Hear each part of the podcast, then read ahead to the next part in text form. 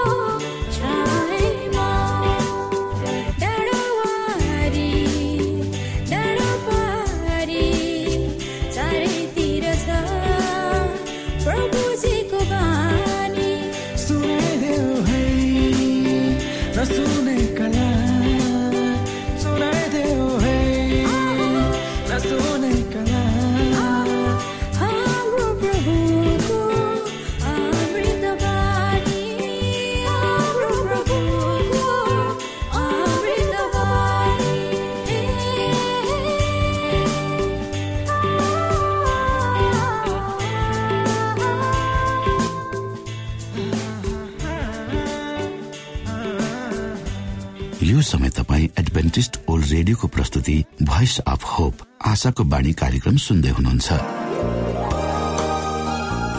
तपाईँ आशाको बाणी कार्यक्रम सुन्दै हुनुहुन्छ। हामी आशा गर्दछौ कि तपाईँले हाम्रा कार्यक्रमहरू सुनेर आनन्द लिनु भएको छ। यदि तपाईँ हाम्रो तर्फबाट सानो उपहार प्राप्त गर्न चाहनुहुन्छ भने कृपया गरेर हामीलाई Bible at the rate AWR dot ओआरजीमा लेखी पठाउन सक्नुहुनेछ। अथवा हाम्रो वाट्सएप नम्बर प्लस एक दुई दुई चार दुई दुई दुई जिरो सात सात सातमा फोन गरेर सम्पर्क गर्न सक्नुहुनेछ। श्रोता मित्र यो समय हामी पास्टर उमेश पोखरेलबाट आजको बाइबल सन्देश सुन्नेछौ। श्रोत साथी न्यानो अभिवादन साथ म तपाईँको आफ्नै आफन्त अर्थात् पास्टर उमेश पोखरेल। परमेश्वरको वचन लिएर यो रेडियो कार्यक्रम मार्फत पुनः तपाईँको घर आँगनमा उपस्थित भएको छु। मलाई आशा छ तपाईँले हाम्रा कार्यक्रमहरूलाई नियमित रूपमा सुन्दै हुनुहुन्छ र परमेश्वरका प्रशस्त आशिषहरू प्राप्त गर्दै हुनुहुन्छ। आउनुहोस् तपाईँ हामी केही समय आज पनि परमेश्वरसँग बिताउ। आजको प्रस्तुतिलाई पस गर्नुभन्दा पहिले आउनुहोस् म परमेश्वरमा अगुवाईको लागि बिन्ती राख्नेछु। जीवी जिउँदो महान दयालु परमेश्वर प्रभु हामी धन्यवादी छौँ यो जीवन र जीवनमा दिनुभएका प्रशस्त आशिषहरूको लागि। यो रेडियो कार्यक्रमलाई प्रभु म तपाईँको हात यसलाई तपाईँको राज्य र महिमाको प्रचारको खातिर यो देश र सारा संसारमा पुर्याउनुहोस् ताकि धेरै धेरै मानिसहरू जो अन्धकारमा छन् तिनीहरूले तपाईँको ज्योतिलाई देख्न सकुन्। सबै बिन्ती प्रभु यीशुको नाममा। आमा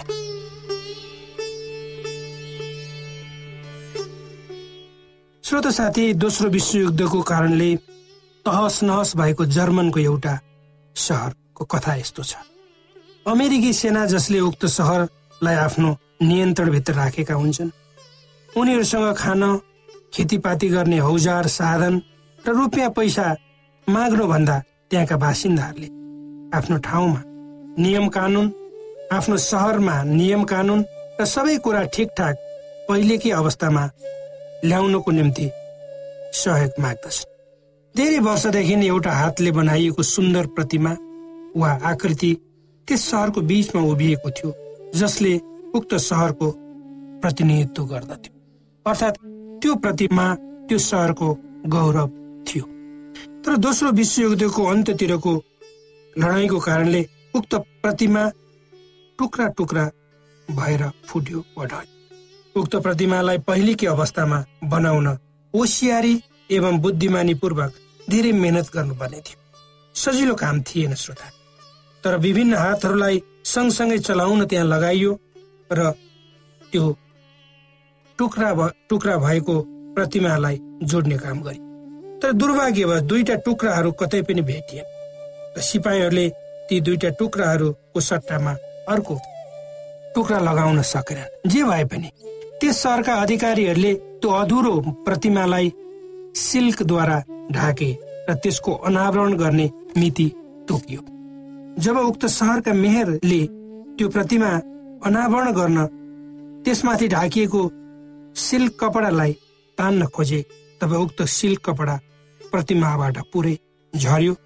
सबै मानिसहरू छक्क परे र उक्त प्रतिमालाई हेर्न थाले। क्रिसका औँलाहरू बडो सुन्दर किसिमले पहिलेकै अवस्थामा बनाइएके थिए तर उहाँको हात भने थिएन। खुट्टाको औँलाहरूमा यस्तो लेखेर राखिएको थियो। मसँग हात छैन। के तपाईँ आफ्ना हातहरू मलाई दिन चाहनुहुन्न? प्रभु येसुले आफ्नो यो संसारको सेवकाईको समयमा उहाँका हातहरूभन्दा बेसी कसैका हातहरूले पनि दुःख पाएन। होला उहाँका हातहरू धरा थिए। त्यसैले उहाँले आफ्ना हातहरूलाई काठको काम काममा लगाउनु। उहाँका हातहरू सफा र शुद्ध थिए। दाग रहित थिए मित्रवत थिए उहाँका हातहरू साना साना नानीहरूका टाउकामा आशिष दिनको निम्ति सधैँ तयार हुन्थे। विभिन्न किसिमको शारीरिक एवं मानसिक समस्याहरूबाट ग्रसितहरूलाई चङ्गाई प्रदान गर्न ती उहाँका हातहरू सधैँ उठ्थे र सक्रिय रहन्थे। उहाँका हातहरू सबैको निम्ति सबैलाई बचाउनको निम्ति सधैँ तयार रहन्थे। त्यसै गरी जो जो लडेका वा खसेका थिए। उनीहरूलाई उठाउन ती हातहरू सधैँ डह्रो भएर पर्खिबस्थे त्योभन्दा पनि बेसी सारा मानव जातिको लागि शान्ति खुसी र आनन्द दिन ती हातहरूले सबैलाई आमन्त्रण गरिरहन्थे। र अन्त्यमा त्यही बलिदानले युक्त हातहरूलाई क्रुसमा काटी ठोके अहिले उहाँ आफ्नो राज्यमा फर्किसक्नु भएको छ।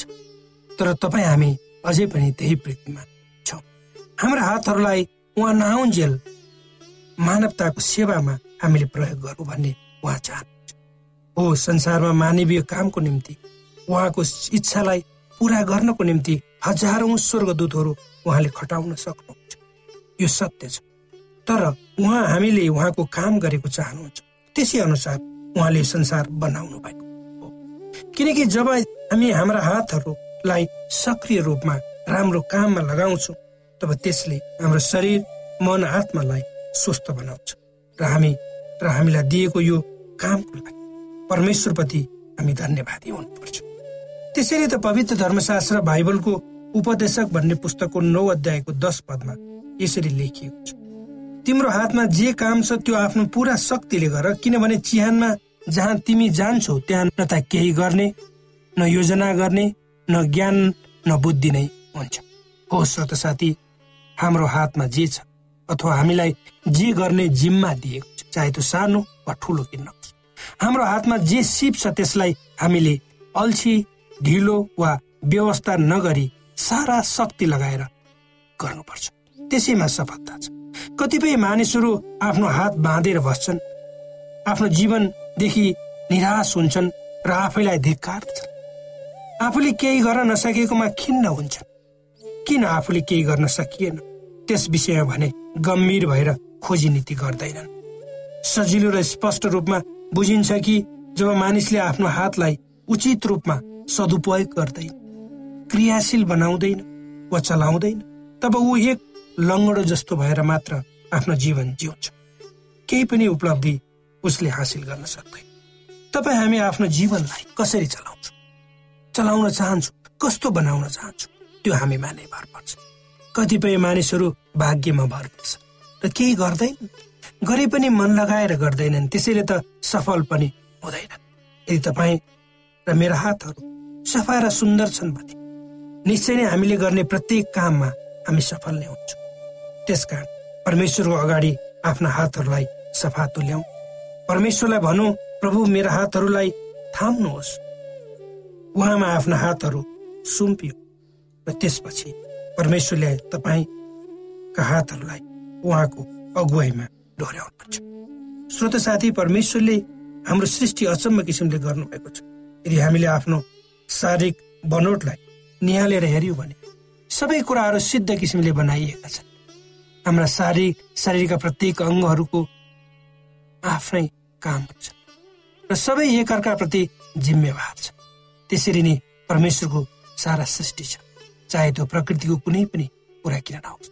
एकले अर्कोको परिपूरकको रूपमा उहाँको सृष्टिलाई चलाउन सहयोग पुर्याइरहेको हामी देख्छौँ।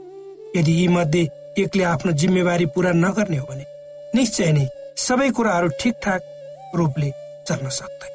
त्यसैले हामीले आफ्ना हातहरूलाई परमेश्वरको इच्छामा क्रियाशील बनाउनुपर्छ। जति हामी आफ्ना हातहरू चलाउँछौँ त्यति नै हामी शारीरिक एवं मानसिक रूपले स्वस्थ बन्यौँ। यी वचनहरूले तपाईँलाई आशिष दिउँ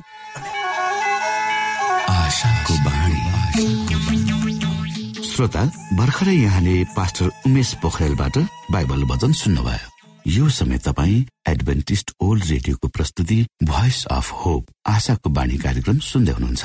कार्यक्रम सुनेर बस्नुहुने सबै श्रोतालाई हामी हाम्रो कार्यक्रममा स्वागत गर्न चाहन्छौ। श्रोता मित्र यदि तपाईँ जीवनदेखि हरेस खानु भएको छ तपाईँका जीवनमा धेरै अनुत्तरित प्रश्नहरू छन् भने आउनुहोस् हामी तपाईँलाई परमेश्वरको ज्योतिमा डोहोऱ्याउन चाहन्छौ र तपाईँ आफ्नो जीवनका चिन्ता फिक्रीबाट निश्चिन्त हुनुहोस् र बाँच्नुको आनन्द परमेश्वरको सामिप्यमा कति मिठो हुन्छ त्यो चाख्नुहोस् भनी हामी चाहन्छौँ। श्रोता यदि तपाईँ आशाको बाणी कार्यक्रमलाई अनलाइन सुन्न चाहनुहुन्छ वा डाउनलोड गर्न चाहनुहुन्छ भने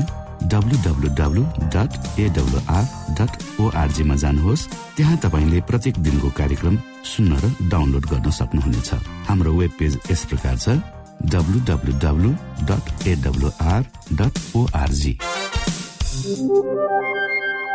श्रोता यदि तपाईँ हामीसित सिधै फोनमा सम्पर्क गर्न चाहनुहुन्छ भने हाम्रा नम्बरहरू यस प्रकार छन्। अन्ठानब्बे एकसाठी पचपन्न शून्य एक सय बिस. अन्ठानब्बे एकसाठी पचपन्न शून्य एक सय बिस. र अर्को अन्ठानब्बे अठार त्रिपन्न पन्चानब्बे पचपन्न. अन्ठानब्बे अठार त्रिपन्न पन्चानब्बे पचपन्न।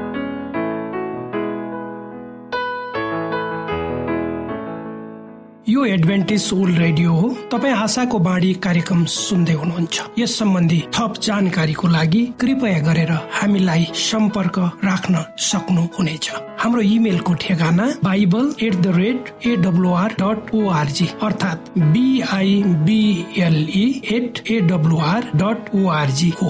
तपाईँ हामीलाई हाम्रो वाट्सएप नम्बर प्लस एक दुई दुई चार दुई दुई दुई जिरो सात सात सातमा पनि कल गरेर सम्पर्क राख्न सक्नुहुनेछ। अर्थात् प्लस एक दुई दुई चार दुई दुई दुई जिरो सात सात सात। यो आशाको बाणी रेडियो कार्यक्रम हो। म धनलाल राई यहाँहरूलाई यस कार्यक्रममा न्यानो स्वागत गर्दछु। आज म तपाईँको बिचमा बाइबल सन्देश लिएर आएको छु। आजको बाइबल सन्देशको शीर्षक रहेको छ प्रतिज्ञा वा परमेश्वरको वचनबद्धता।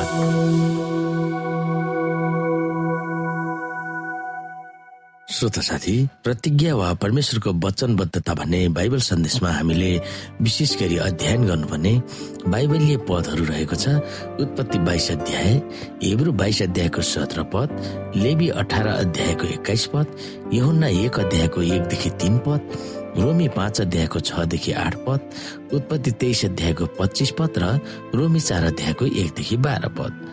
र यो अध्यायमा हामीले सम्झनु पर्ने पद अथवा मेमोरी गर्नुपर्ने भर्स रहेको छ उत्पत्ति चौबिस अध्यायको एक। यहाँ लेखिएको छ अब्राहम धेरै बुढा भइसकेका थिए। उनको उमेर धेरै ढल्किसकेको थियो। परमप्रभुले सबै कुरामा अब्राहमलाई आशिष दिनुभएको थियो।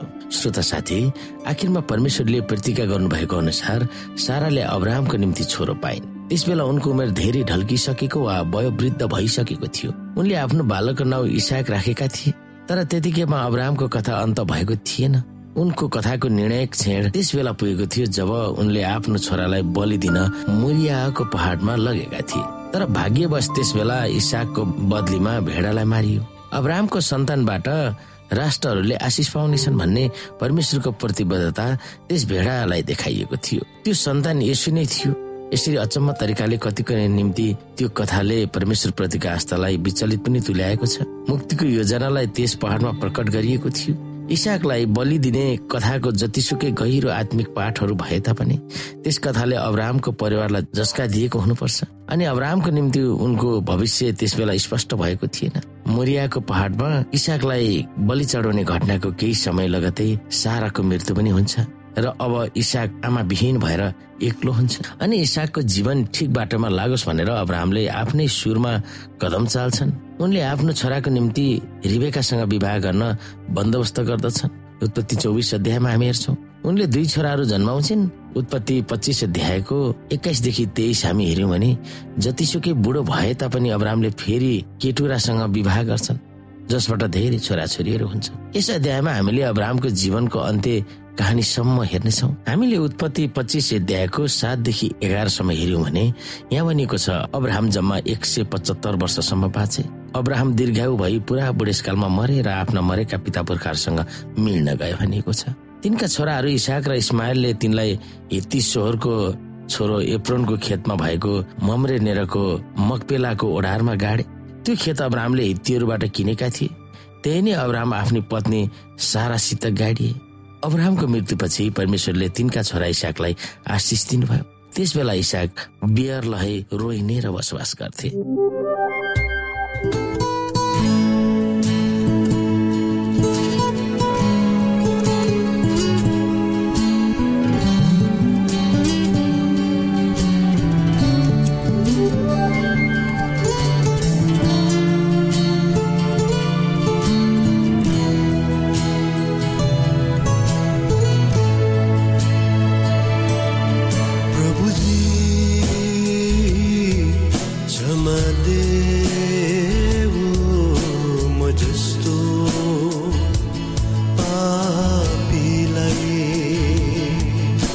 বুঝি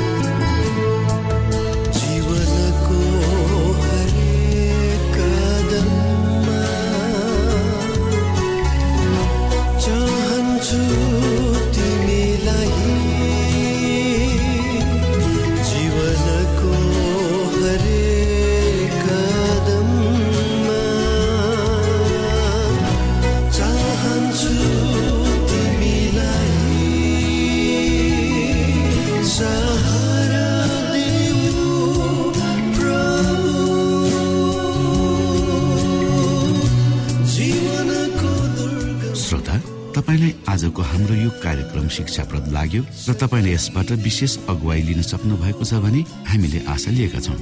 हामीसँग पत्राचार गर्ने हाम्रो ठेगाना यस प्रकार छ। आशाको बाणी पोस्ट बक्स नम्बर दुई शून्य शून्य शून्य दुई काठमाडौँ नेपाल। श्रोता यदि तपाईँ हाम्रो स्टुडियोको नम्बरमा सम्पर्क गर्न चाहनुहुन्छ भने हाम्रा नम्बरहरू यस प्रकार छन्। अन्ठानब्बे एकसाठी पचपन्न शून्य एक सय बिस। अन्ठानब्बे एकसाठी पचपन्न शून्य एक सय बिस। र अर्को अन्ठानब्बे अठार त्रिपन्न पन्चानब्बे पचपन्न। अन्ठानब्बे अठार त्रिपन्न पन्चानब्बे पचपन्न।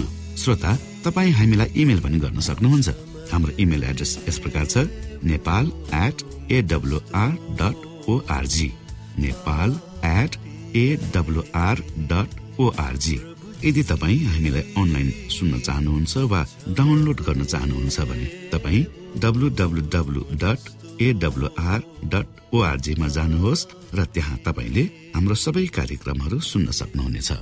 हवस् त श्रोता भोलि फेरि यही स्टेशन र यही समयमा यहाँसँग भेट्ने आशा राख्दै प्राविधिक साथी राजेश पास्टर उमेश पोखरेल र कार्यक्रम प्रस्तुता म रवि। यहाँसँग विदा माग्दछौ। नमस्कार।